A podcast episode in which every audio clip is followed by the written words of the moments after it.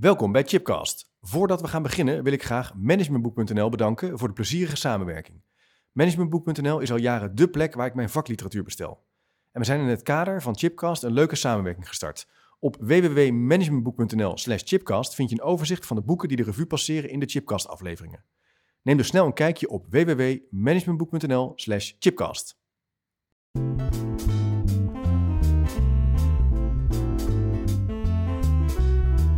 Welkom bij een nieuwe aflevering van Chipcast, een programma waarin ik op zoek ga naar verrassende antwoorden en nieuwe perspectieven op vragen die mij bezighouden. En in deze podcast staat de vraag centraal: hoe word je een geboren leider? En dat gesprek ga ik voeren met Frank Schaper. Frank, welkom in de studio. Dankjewel. Superleuk dat je er bent. Leuk hier te zijn. Ja. Je hebt, een, eh, ja, je hebt heel veel dingen gedaan, maar je hebt onder andere een prachtig boek geschreven, Hoe je een geboren leider wordt. En daar gaan we het uitgebreid over hebben. Voor degenen die jou niet kennen, je, Frank, je bent eh, zelfstandig adviseur, personal coach en trainer sinds 2002. En daarvoor was je executive bij KLM. En je hebt ooit, dat fascineert mij wel, samen met je broer de perfecte ronde voetbal uitgevonden. En die is door Nike op de markt gebracht. Daar moet je toch maar iets over zeggen straks. En je nieuwsgierigheid ja, gaat, over, gaat over verschillende dingen, over leiderschap. Je hebt verschillende boeken geschreven over persoonlijkheid, burn-out, levensfase, rolmodellen en leiderschap. En momenteel ben je met een boek bezig over Donald Trump. Ja, Wauw. ja het is wel eh, veel als ik het zo hoor. Ja, toch? Ja, eh, heel indrukwekkend. Maakt ook wel nieuwsgierig. Zou je toch even iets willen zeggen over die ronde voetbal? Ja, dat is goed. Dat, is goed. Eh, dat begon eigenlijk in 1988. Ik eh, werkte toen bij de KLM. Ik eh, reisde veel. Ja. Zat vaak in het vliegtuig. En dan kijk je altijd naar die bladen, zoals Holland Herald, waar altijd die kaarten in staan met alle, vlieg, met alle vliegroutes van Ja. een luchtvaartmaatschappij. En ik begon me steeds meer te ergeren aan die kaarten, omdat ze gewoon niet kloppen. Je kan de aarde niet zonder vervorming op één vel projecteren. En dus zijn al die routes, dat zijn kromme routes, je kan de afstand niet opmeten. Heel vervelend. Dus ik begon na te denken over hoe kan je dat nou oplossen. En kwam uiteindelijk, om een lang verhaal kort te maken, uit bij het voetbalpatroon. Dat zijn 32 eh, vlakjes. Ja. 12 eh, vijfhoeken en 20 zeshoekjes. En toen dacht ik, als ik daar nou de aarde op teken, dan kan ik die vlakjes loshalen. En eigenlijk in elke combinatie tussen A en B de vlakjes zo neerleggen dat je en de goede route hebt en op kan meten hoe de afstand is, hoe lang de afstand is. En het enige probleem wat ik daarbij had was, uiteindelijk, ik vertel het nu heel kort, Ja, eh, of de schaal op de vijfhoekjes wel hetzelfde zou zijn als de schaal op de zeshoekjes. ja precies. Dat bleek Ja. niet het geval. En om dat op te lossen, moest ik de vijfhoekjes een beetje dichter bij het middelpunt brengen dan ze waren. Waardoor ze iets groter werden en de zeshoekjes niet meer gelijkzijdig waren. Nou, dan was alles op dezelfde afstand van het middelpunt. Ehm, maar dan was dus de maatvoering van die vijf en zeshoekjes wel iets veranderd. En dan was de schaal op alle vlakjes hetzelfde. Nou, dat zat ik op een avond met mijn broer te bespreken. En toen was onze conclusie, ja, maar dan is de voetbal ook niet goed. Nee, precies. Wauw. Dus eh, toen had ik twee uitvindingen. Ja. Eentje van een, eh, een nieuw kaartensysteem en eh, een betere voetbal. Fantastisch. Je Nou. bent eigenlijk ook nog uitvinder.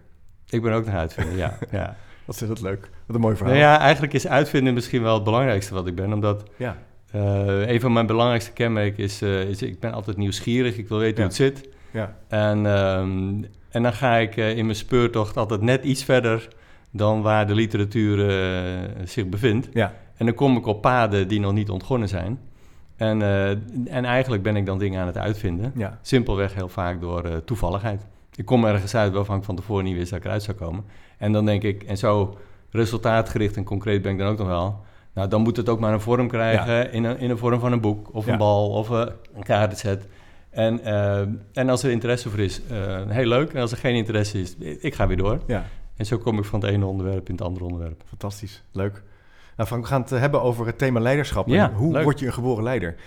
Dit, deze podcast is niet zozeer een boekbespreking, maar ik moet toch wel zeggen dat dit boek, jouw boek, heel lang in mijn tas heeft gezeten als wel favoriete managementboek. Dankjewel. Het is ontzettend mooi geïllustreerd, rijk boek.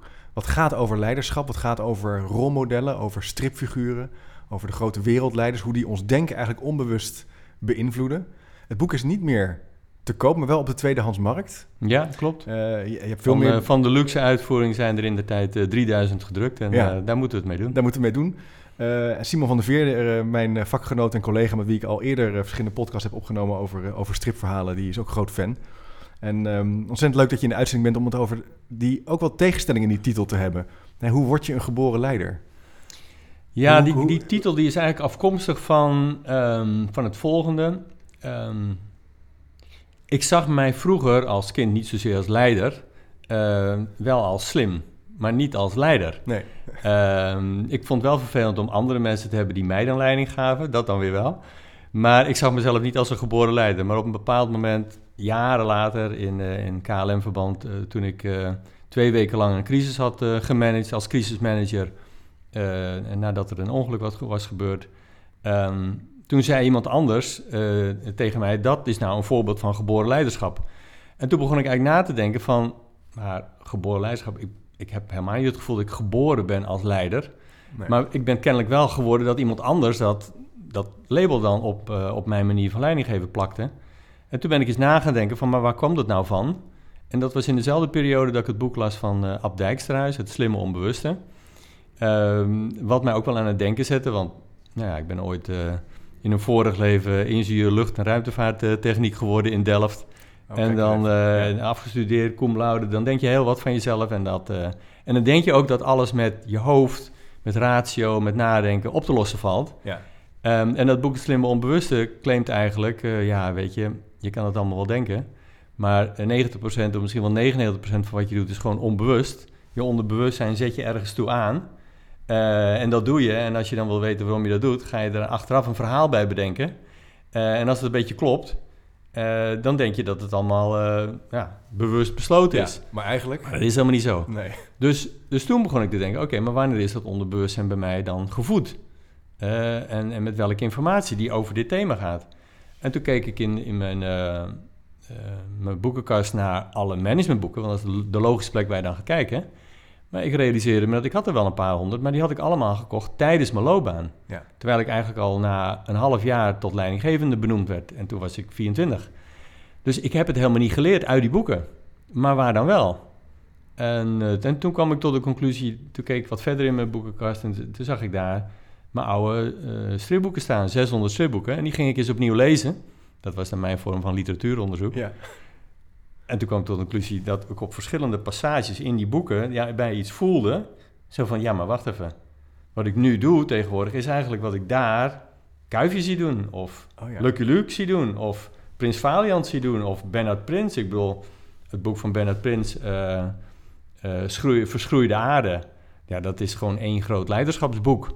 Wat hij wat die doet in dat hele boek, dat is, dat is, dat is leiderschap. Ja, kan je een voorbeeld geven van, van wat daar dan gebeurt? Nou, uh, Bernard Prins is dan zo'n zo'n typische, archetypische held. Uh, hè, van vroeger, zoals je als kind uh, zo'n zo'n held wil hebben. Een soort volwassen kuifje. Ja. En briljant getekend door, door Herman Huppen. nog steeds mijn favoriete striptekenaar. En nou, die, die, die vaart dan op een boot met een, met een, een scheepsjongen en een, en een, en een kapitein ruwe bolster, uh, uh, blanke pit uh, figuur. Dus met z'n drieën beleven ze allemaal avonturen. En op een gegeven moment krijgen ze een, een SOS-signaal. Ze moeten naar een eiland toe en op die, dat eiland zijn allemaal branden bezig. En die branden gaan allemaal één richting in. Met als gevolg is het verhaal dat de bewoners van een dorpje worden allemaal naar een hoek gedreven. Maar die, het is een kwestie van tijd dat ze ingehaald worden door het brand, door het vuur. dus moet, er, moet er een paar boten moeten naar die kant van, van dat eiland toe. Maar zij komen tot de conclusie, dat kan helemaal niet, want er zijn allemaal uh, kliffen en, en koraal en weet ik veel wat. Dus daar kan, kan geen boot doorheen. Dus die mensen zijn ten dode opgeschreven. Nou, dus dat doet Bernard Prins, de held. Die gaat aan land en in zijn eentje loopt hij door het vuur naar die mensen toe om ze te redden. Waar die vervolgens niet geloofd wordt, niemand gelooft dat hij door het vuur kwam. Uh, en in dat hele boek zitten zoveel metaforen van leiderschap door het vuur, een visie, mensen redden. Hij komt nog twee beren tegen op de weg. Letterlijk. Ja. Eentje moet hij doden en de andere blijkt een, een, een, een, een, teddy, een beertje te zijn. Die neemt hij mee, die redt hij.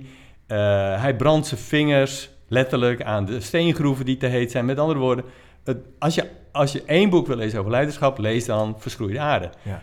Maar ik realiseerde me dat pas toen ik het later als volwassene opnieuw ging lezen. En toen dacht ik, ik heb mijn leiderschap uit mijn stripboeken. Wow. Zo is mijn onderbewustzijn gevoed. En wat ik nu zit te doen is eigenlijk onbewust te doen wat ik mijn helden heb zien doen. Dus wat je toen las, ik, heeft je zo beïnvloed dat dat als het ware je stijl is geworden. Ja, en ik ben dus niet een geboren leider. Ik ben een geboren volger van leiders. Dat, de mengeling van alle leiderschap die ik gezien heb en ervaren heb, dat ben ik zelf gaan doen. Dus leiderschap begint bij volgerschap. Maar hoe komt dan dat onbewuste volgerschap? Nou, dat heeft ook hè, de, de, de ontwikkeling van de, van de wetenschap heeft, heeft aangetoond, pakweg een jaar of twintig geleden. Die hebben spiegelneuronen ontdekt bij, bij eerst apen en daarna bij mensen. Dat is waarom we naapen. Dat is waarom we onbewust andere mensen nadoen. En dingen leren, taal leren, uh, gewoontes leren, ergens bij leren horen. En die spiegelneuronen die zorgen ervoor dat wij onbewust naapen, nadoen. En dat is wat ik heb zien doen. Ik ik heb me ingeleefd in die boeken. Ik ben me gaan identificeren met de hoofdpersoon die altijd de held is en ook altijd het stripboek overleeft. Dus, dus eh, onbewust was ik een soort onsterfelijke held geworden. Nou, dat zat ik gewoon te doen. Wauw. Mooi verteld. Dus leiderschap is eigenlijk in mijn optiek volgerschap. Ja, precies. Dat van leiders. Volgers van leiders. En daarmee kan je langzaam wel invloed uitoefenen in je organisatie. En word je als het ware... Zeker. Een, een leider. Ga je dingen proberen aan te pakken. Nou ja, de, te managen. Het leerde me ook dat de, kern uh, van leiderschap is wat je doet. Um, kijk, wat ik heb ervaren is... Uh, als mensen naar een leider kijken...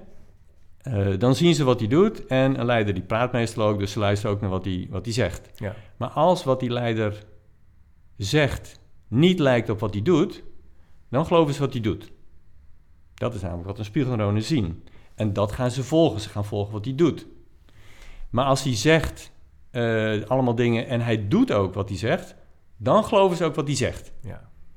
Mooi. Dus dat is de kern eigenlijk de kern, ja. van, van leiderschap, voorbeeldgedrag. Dus ik kijk bij leiders altijd wat doen ze. En daarna kijk ik of wat ze zeggen in lijn is met wat ze doen. Het is natuurlijk ontzettend belangrijk, dat weten we ook wel uit de wetenschap, dat dat voorbeeldgedrag bij leiderschap een van de best voorspellende waarden is van verandering. Ja, dat is enorm belangrijk. Laat het is je zien, in mijn optiek het enige. Het e zelfs het enige. Ja, want, want als je dus, dat heb ik gemerkt toen ik vier jaar lang uh, plaatsvangend over cabinepersoneel was. Hè, dat ja. een afdeling van 7000 mensen en, en zo'n beetje alles moest veranderen. Want het, het, qua organisatievorm, qua behuizing had het, had het eigenlijk 20, 25 jaar stilgestaan. Maar het was wel gegroeid van 1000 naar 7000 mensen. Dus eigenlijk alles moest, moest, uh, moest veranderen. Um, maar het zijn ook allemaal mensen met heel veel mensenkennis, dus je kijkt ook recht door je heen. Dus, dus als jij niet geloofwaardig bent, dan, dan, dan komt niemand in beweging. Nee. Dus wat ik me realiseerde was dat wij als managementteam, pakweg 25 mensen, wij hadden het altijd wel over zij moeten veranderen. Maar eigenlijk was de conclusie dat zij pas veranderen als wij veranderen. Als 7000 mensen zien dat jij, de, de managers, de leiders, die claimen leiders, en jij wil geloofwaardig zijn, dan, moet je, dan moeten wij dus veranderen. En dan in de hoop dat zij mee veranderen. Dat, dus het ging naar, eerst naar ons toe. En dat is wat ik heel vaak in, uh, in de top van ondernemingen en bedrijven zie, is dat leiders het hebben over dat de mensen moeten veranderen, maar zich niet realiseren dat als zij zelf niet veranderen, gaat niemand mee. Want nee. jij doet ook niks, toch? Dus je moet het heel dicht, heel klein maken, terug naar degene om wie het gaat, waar de invloed zit. Dat is eigenlijk wat leiderschap in de essentie is. Ja, en je invloed is wat je zelf toont. Ja. Dat maar is, het kan wel eigenlijk je enige invloed. Ja, het, het, kan wel zo zijn dat je misschien beïnvloed bent door stripfiguren, verhalen, narratieven die misschien wel juist belemmerend zijn om, die, om dat leiderschap te laten zien. Of, nou ja, of zie jij dat niet zo? Nou, mijn, mijn conclusie is eigenlijk dat, dat, dat ieder mens uh, wel iets van 15 of 20 rolmodellen bij elkaar heeft geraapt in de loop van zijn leven. Ja. Uh, het overgrote deel onbewust, want er zitten misschien maar één of twee of drie mensen bij, of, of personages, of een idool waar je vroeger de foto van had hangen, waar je bewust van bent, maar de rest ben je eigenlijk niet bewust van. Dat valt me altijd op. Maar uit wat die mensen hebben gedaan, uit hun voorbeeld, heb je allemaal stukjes geplakt. En dat is een soort combinatie van je hebt je met die mensen geïdentificeerd, omdat je iets van jezelf in die mensen hebt herkend, of die personages. Um, je hebt er een paar plukjes van meegenomen waarvan je dacht van, oh, dat wil ik ook. Of zo wil ik ook zijn, of daar wil ik ook naartoe. En zo heb je je eigen, uh, ik noem het maar, prutje gemaakt ja. van, van, van hoe je wil zijn, hoe je wil worden. Dat heb je voor een groot deel onbewust in je eigen onderbewustzijn uh, bewaard. En zo ben jij aan het doen zonder te weten dat je dat aan het doen bent. En ook vaak zonder te weten waar de bron van dat specifieke ding ligt. Uh, en, uh, en, en daar zitten, hè, ik heb op een gegeven moment ook een paar tips geformuleerd uh, die ik wel eens in presentaties noem. Ja. En, uh, en, en een van die tips is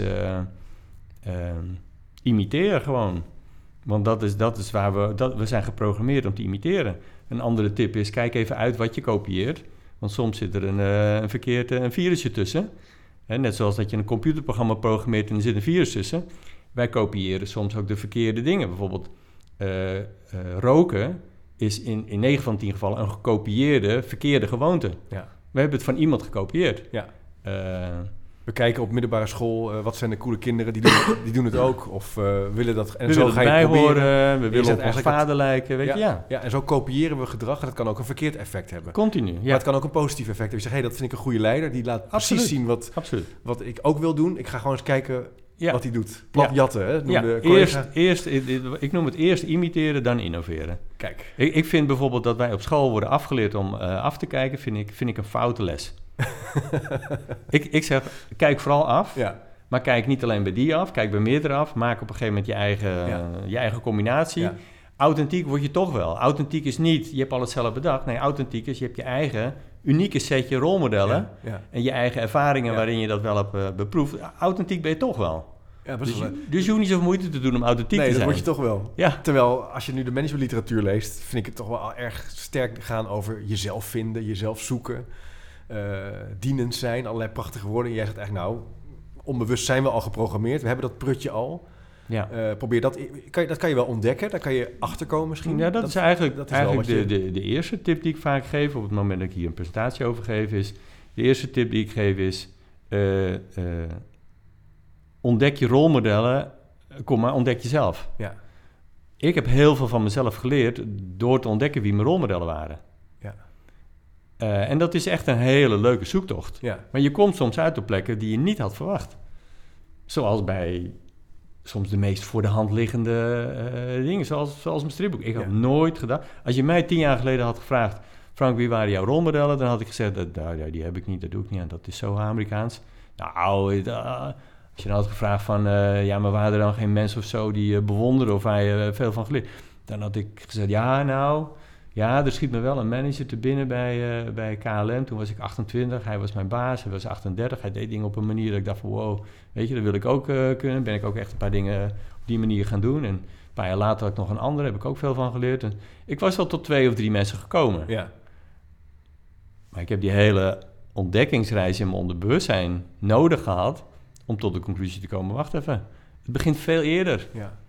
Begint veel eerder. Al in je jeugd, al op je Ja, kamer. juist in s'avonds, jeugd. Terwijl je de boeken leest. Nou, het grappige is, ik, eh, ik, ik ben nu 61, ik heb twee eh, kleinkinderen. eh, ik heb een heel leuk filmpje. het was toevallig van mijn vrouw en, en, en onze kleinzoon. Ehm, ik denk dat hij op dat moment nou, misschien een half was of, of zeven maanden of zo. Hij zit in zijn stoeltje en mijn vrouw zegt op een gegeven moment tegen hem... nee, nee, Eden, nee. En ze, en ze schudt zo haar hoofd hè, heen en weer. Ja, En eh, mijn kleinzoon die, die ziet daar zo en die, die doet dat na. Die doet Ja. dat heen en weer Ja. schudden Ja. van zijn hoofd na. En mijn vrouw die ziet dat, dat hij erna doet. En die zegt, nee, dus die doet het weer. Nou wordt het een spelletje. Nou begint hij dus... Maar ik heb dus op een filmpje het moment waarop hij neeschudden heeft geleerd. Ja. Door na te doen. Ja. Hij zal later nooit weten waar hij neeschudden van heeft geleerd. Nee. Tenzij hij dat filmpje nog een keertje ziet. En zo leren we in de eerste twee, drie jaar... de periode waarin we... waar we ons vrijwel niets van weten herinneren... leren we al heel, heel, heel veel. Het heeft een enorme impact. Ja, Maar dit kan, dit kan je ook extrapoleren naar organisaties, waar je natuurlijk ook gaat nadoen. Als daar eh, het, het typische stoere leiderschap heel in zwang is, de baas willen spelen, dan gaan mensen natuurlijk ook kijken, hey, hoe kom ik hier verder? Het zal misschien wel zijn dat ik het zo moet doen. Terwijl als heel veel overleg en vergaderen dan heel dominant is, dan wordt dat de nadrukkelijke vorm om aan leiderschap te werken. inderdaad. Dus jij zegt dat moet je eigenlijk wel in rekenschap nemen, daar moet je naar kijken. Nou ja, dat, dat, dat, dat is hoe het werkt. Ja, zo Dat werkt is het wat we doen. Dus ja. op het moment dat je het wil beïnvloeden. ja. Het grappige is, eh, er is de, een van de oprichters, eh, of de pioniers van de sociaalpsychologie, Edgar Schein, die heeft op een gegeven moment in een interview gezegd: er zijn vijf manieren om mensen te beïnvloeden. Nou ja, en, en eh, leiding geven is beïnvloeden en, en macht uitoefenen is, is beïnvloeden. Dus, ja. dus, ik, dus ik dacht, nou, ik ben benieuwd wat hij zegt. Het eerste wat hij zegt is: geef ze de juiste rolmodellen. Ja. Eerst wat hij zegt. Daarna zegt hij: en hou ze bij de les. Eh, de derde is controleer de informatiestroom. De vierde is uh, nou, beloon ze als het goed doen. En de vijfde is straf ze als het fout doen. Nou, en vervolgens zegt hij: ja, eigenlijk weet elke ouder en elke Ja, precies. schooljuf dit al. ja. Dat is wat we doen. ja. Alleen die, dat eerste punt, dat realiseren leiders zich vaak niet. Zij zijn rolmodel en zij hebben rolmodellen aan te wijzen ja. en, en, en mensen ervoor. En, en, en de rest, ja, aangezien we allemaal geboren volgers zijn, zijn we niet allemaal geboren leiders. Ja, wel een beetje eh, op onze eigen manier in ons eigen leven. Ja, ja, ja. Maar in organisaties, we zijn geboren volgers. Dat is wat we doen. Er is een heel leuk filmpje op YouTube. First Follower, of je het Ja, kent. zeker, ja. ja. Ja, briljant. Dan zie je het ook helemaal gebeuren. Ja, je ziet... Je ziet even op de website plaatsen, het linkje. Ja, hij is leuk. Ja, Ja. hij is leuk. Maar, en en hoe gebruik jij nou die stripfiguren en die perspectieven nog in je werk als coach of als begeleider... als het gaat over leiderschap of als het gaat over organisatieontwikkeling? Kijk je ook zo dan naar, naar wat je ziet gebeuren in een organisatie? Zie je dan ook Lucky Luke gedrag? Ja, ik noem maar even, zie je kuifjes of... nou, of laat ik hem... Ik zie, ik zie het eigenlijk overal en continu. Ja. Eh, er gaat geen dag voorbij waarbij je het niet ziet. Om een voorbeeld te noemen. Ehm, eh, gisteren in het nieuws. eh Nicky Tutorials. Ja. Waar Ja. gaat het in de wereld draait door over? Dat ze een rolmodel is. Ja. Eh, en hoe mensen daar aan de ene kant eh, steun aan ontlenen... en aan de andere kant van... oh, het is wel erg dat dat eh, gebeurt. Ja, ze was gechanteerd? Ze was gechanteerd. Ja. En, en dan komt ze met een videootje... I'm Ja. coming out. Ja. En nou, dat, dat videootje is rolmodelgedrag voor al die, ik geloof dat inmiddels 13 miljoen mensen bekeken hebben. En een deel daarvan. En, en dan werkt het rolmodelgedrag voor die mensen die iets van zichzelf herkennen in de persoon. Ja. Dus dus de, de, de, de stappen zijn eigenlijk, ehm, ik word geïnspireerd door iemand, ik identificeer me met iemand, ik imiteer die persoon en vervolgens innoveer ik. Dat zijn Ja. eigenlijk de vier stappen Ja. die je constant weer dan terugziet van volgerschap naar leiderschap. Ja. Dus met wie identificeer je? Zou het daarom ook kunnen dat bijvoorbeeld eh, Obama zo... eh, dat mensen zo enorm aangingen op Obama...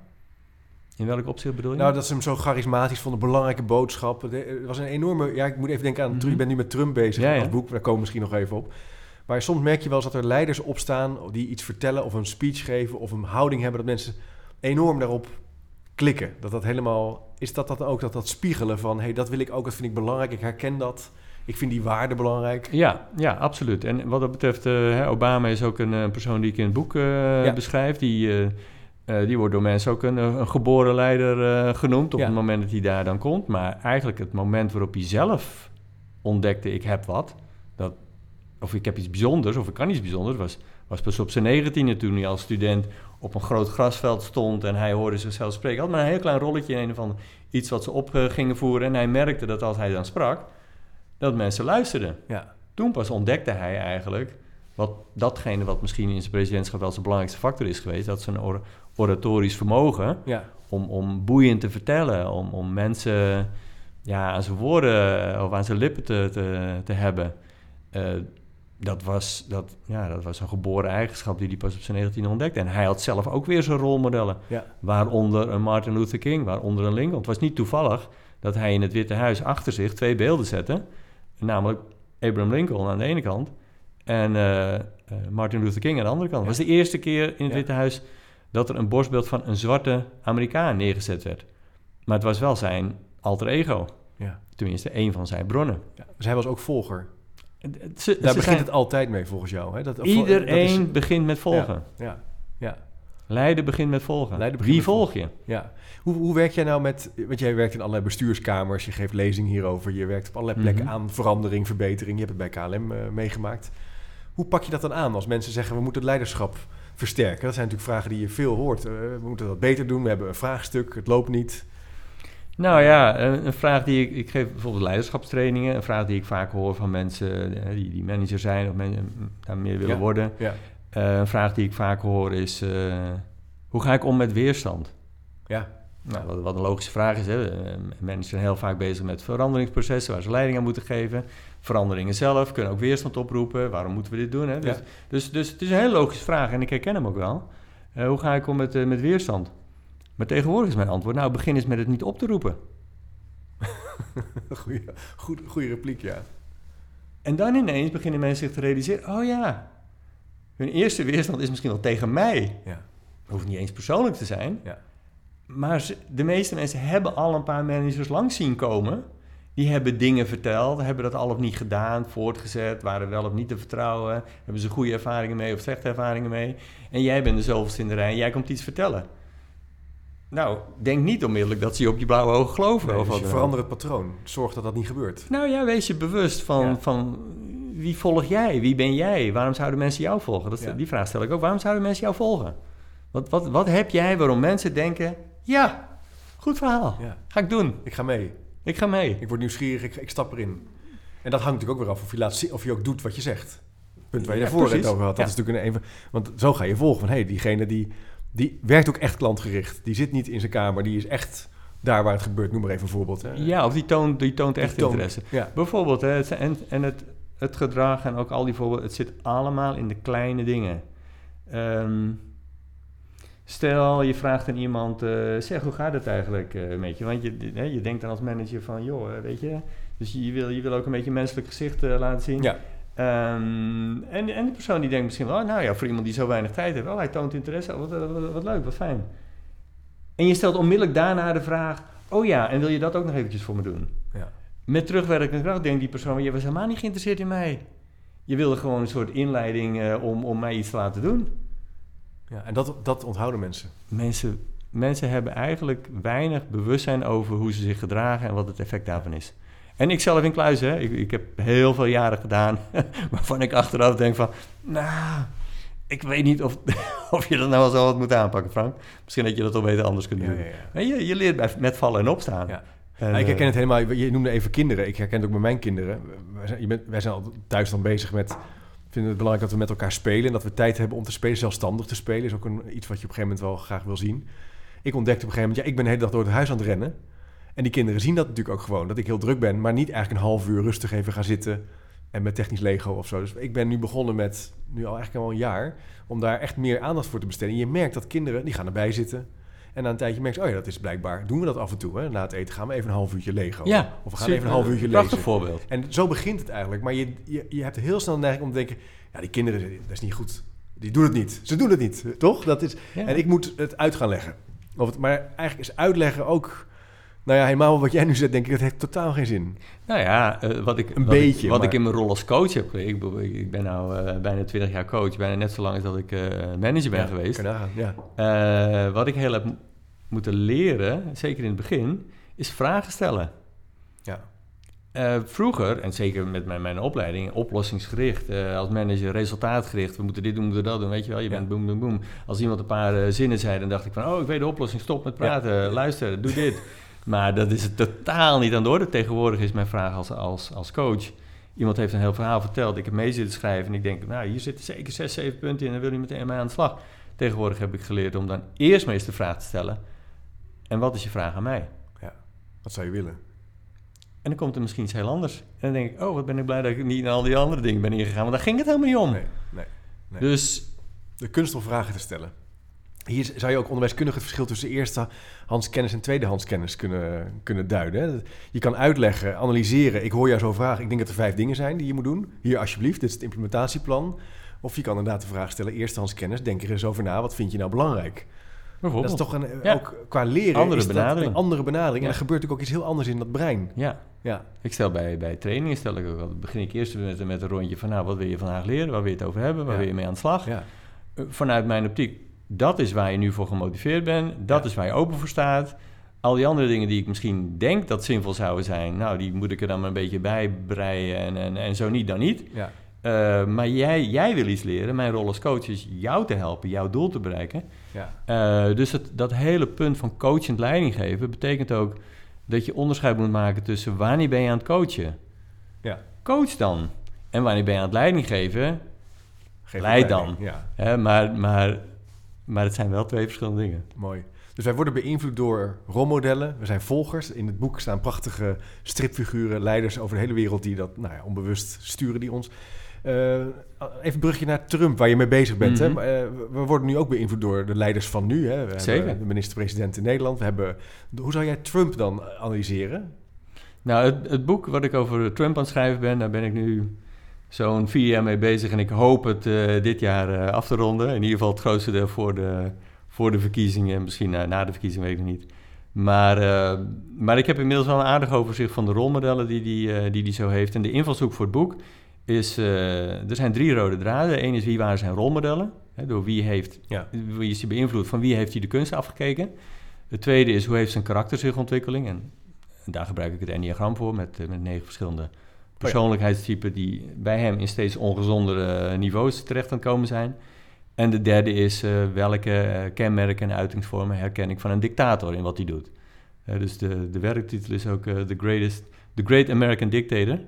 En nou ja, dat ben ik nou aan het schrijven. En, en bij hem is het heel boeiend om te zien welke rolmodellen hij zo heeft gehad. Ja. En, en dan valt ook heel goed te verklaren waarom hij doet wat hij doet en hoe hij hoe die denkt.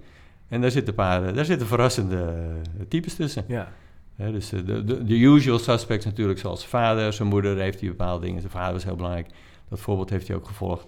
Maar ook bijvoorbeeld zijn eerste advocaat, Roy Cohn. Maar ook een paar uh, filmfiguren. Ja. Als iemand zich afvraagt, en nou ja, dit is natuurlijk een uh, audio-opname. Maar als iemand kijkt naar het plaatje van zijn, van zijn Twitter-account... en je zet dat plaatje naast een beroemde cowboy uit Sergio Leone's spaghetti westerns, dan zie je uh, dat hij daar geïnspireerd is door Clint Eastwood. Dat vond hij echt de grootste filmheld oh, ooit. Dat. En hij heeft ook volgens zijn biograaf uren voor de spiegel gestaan om net zo te kijken als Clint Eastwood in die westerns. En die foto is gelijk, zijn Hij kijkt ook een beetje zo. Nou, vooral als hij interessant wil kijken, dan ja, kijk je zo. Je of hij in de zon, in de zon staat te nou, weet je, Het grappige is ook, hè, als je dan terugtreest van... maar waarom keek Clint Eastwood eigenlijk zo? Want ik bedoel, je hoeft niet in de zon te kijken. Je hebt Nee. een hoed op. Ja. Maar eh, dat vond eh, Sergio Leone een interessante blik. Dus hij wilde ook altijd dat Clint Eastwood in de zon keek... waardoor hij dus zo ging kijken. Nou, dat was zijn specifieke look. Eh, Donald Trump, die was... Ja, dit was in de jaren 60. Donald Trump, geboren in 1946, was toen... tussen de 16 en de 18 toen hij die film voor het eerst zag. Hij wilde interessant kijken... Clint Eastwood was de grootste ster. Zo ging hij kijken. Zo kijkt hij nog steeds. Ongelooflijk. Dus als je wil, kijken, als je wil weten waarom hij op zijn Twitter-account zo kijkt, ga terug naar 1964, 65, Clint Eastwood. Kijk. En, en zo zijn er allerlei dingen. Waarom doet Trump nu wat hij doet? Ja. Optelsom van al die voorbeelden in de loop van het jaar. Het is natuurlijk wel weer, de- dan komen we op het punt, je gaat er in het boek ook op in, op die besmettelijkheid van leiderschap. We, gaan, we nemen dat natuurlijk over. Er staan nu weer nieuwe leiders op. Sterker nog, eh, de- hij, hij is met die term fake news gekomen. Al die andere dictators noemen het nu ook allemaal letterlijk fake news. Als het nieuws eh, hij niet uitkomt, noemen Ja. ze het fake news. Ja. Hebben ze van, eh, van Trump. En Ja. Trump heeft weer het nodig afgekeken van Poetin en van Ja. anderen. Ja. En van Nixon. Ja. Dus, eh, Roger Stone, waar die documentaire Roger over is gemaakt. Stone, ja. man, eh, Roger Stone was, die was wat jonger, die was iets van zes jaar jonger dan hij. Dat is meer een soort opvolger van eh, Roy Cohn geworden. ja. En eh, een beetje zijn handlanger in het eh the dark arts of Ja. eh, dirty politics. Dirty Politics. Ja. Daar is een documentaire over te zien op Netflix. Is wel Ja, aan te raden voor de luisteraar. Get me Roger Stone. Get Me Roger Stone. Dat is echt, daar viel mijn mond wel van open. Ja, Dat zo'n man, ja, die man bestaat gewoon. En die, is, die Ja. haalt, alle smerige trucs uit om te winnen. precies. En hij heeft voor mij een tattoo op zijn rug van, Van Nixon. van Nixon. ja, dat was echt een grote- grote held. Ja, zijn grote held. Gaaf, Frank, om met je zo over dat punt van leiderschap te praten. Over hoe we volgers zijn. En hoe we dat ook moeten ontdekken en moeten kunnen inzien om leider te kunnen worden. Ja, en voor iedereen is eh, wat dat betreft iets te ontdekken als je terug gaat naar eh, wie volg jij nou? Ja, En, waarom, en, en wie volgen jou? We zijn ook rolmodel. Als we een paar jaar meegaan, dan hebben we al een paar rolmodellen. Of dan, hebben- dan zijn we al voor een paar mensen rolmodel. Als vader ben je rolmodel, Ja, als moeder ben je rolmodel. Eh, en we zijn het over het algemeen zonder het ons bewust te zijn. Dus misschien ook wel een leuke tip om, als je op een gegeven moment tot de conclusie komt... ik, ik, heb, een, ik, ik heb een rolmodel in gedachten... en eh, dat heb ik die persoon eigenlijk nog nooit gezegd... en die persoon leeft nog... maak eens een afspraak met die persoon... zeg het die persoon... weet je, jij was een rolmodel voor mij... en ik heb ontzettend veel van jou geleerd. Het is heel mooi om te horen. fantastisch Frank. Een mooi einde van de podcast wat mij betreft. Ga dat vooral doen. Daarmee maak je sterker leiderschap. Daarmee ontwikkel je. Ehm, ik ben heel benieuwd naar je volgende boek. Misschien eh, kan ik je nog eens verleiden om in de uitzending te komen... om het dan over Trump eh, te gaan hebben. Dankjewel, met alle Eh, plezier. Ja, ehm, eh, we zijn aan het eind gekomen van de podcast met Frank Schaper over de vraag hoe word je een geboren leider? Gedeeltelijk gebaseerd op zijn prachtige boek Rolmodellen, striphelden en wereldleiders. Ehm, kijk ook even op managementboek.nl slash chipcast. Daar staan alle boeken van Frank ook op. Als je denkt, hé, hey, daar wil ik er eentje van hebben, kan je daar gewoon de boekenkast even, even aanklikken. En eh, vind je het leuk om elke week automatisch de nieuwsbrief te ontvangen met een nieuw gesprek over leren, onderwijs, samenwerken, filosofie? Schrijf dan even in op chipcast.nl slash doe mee. Krijg je gratis en voor niets. Wie wil dat nou niet, zeg ik altijd maar. En blijf luisteren, want binnenkort ontmoet ik ook Jitske Kramer. Om het over inclusie in de samenleving eh, te gaan hebben. Zij is net terug uit India. Zij bestudeert als antropoloog samenleving over de hele wereld. Daar schrijft ze boeken over. En eh, ik ga met haar, haar spreken. En Ottelien Boeschoten van Man bij het Hond komt op bezoek. Om te praten over de kracht van verbeelding in het onderwijs. Waarom moeten we ook creatief kunnen denken en ons soms iets kunnen bedenken op zichzelf. En wat doet dat dan met ons brein? Dus blijf kijken en luisteren. Tot de volgende keer maar weer.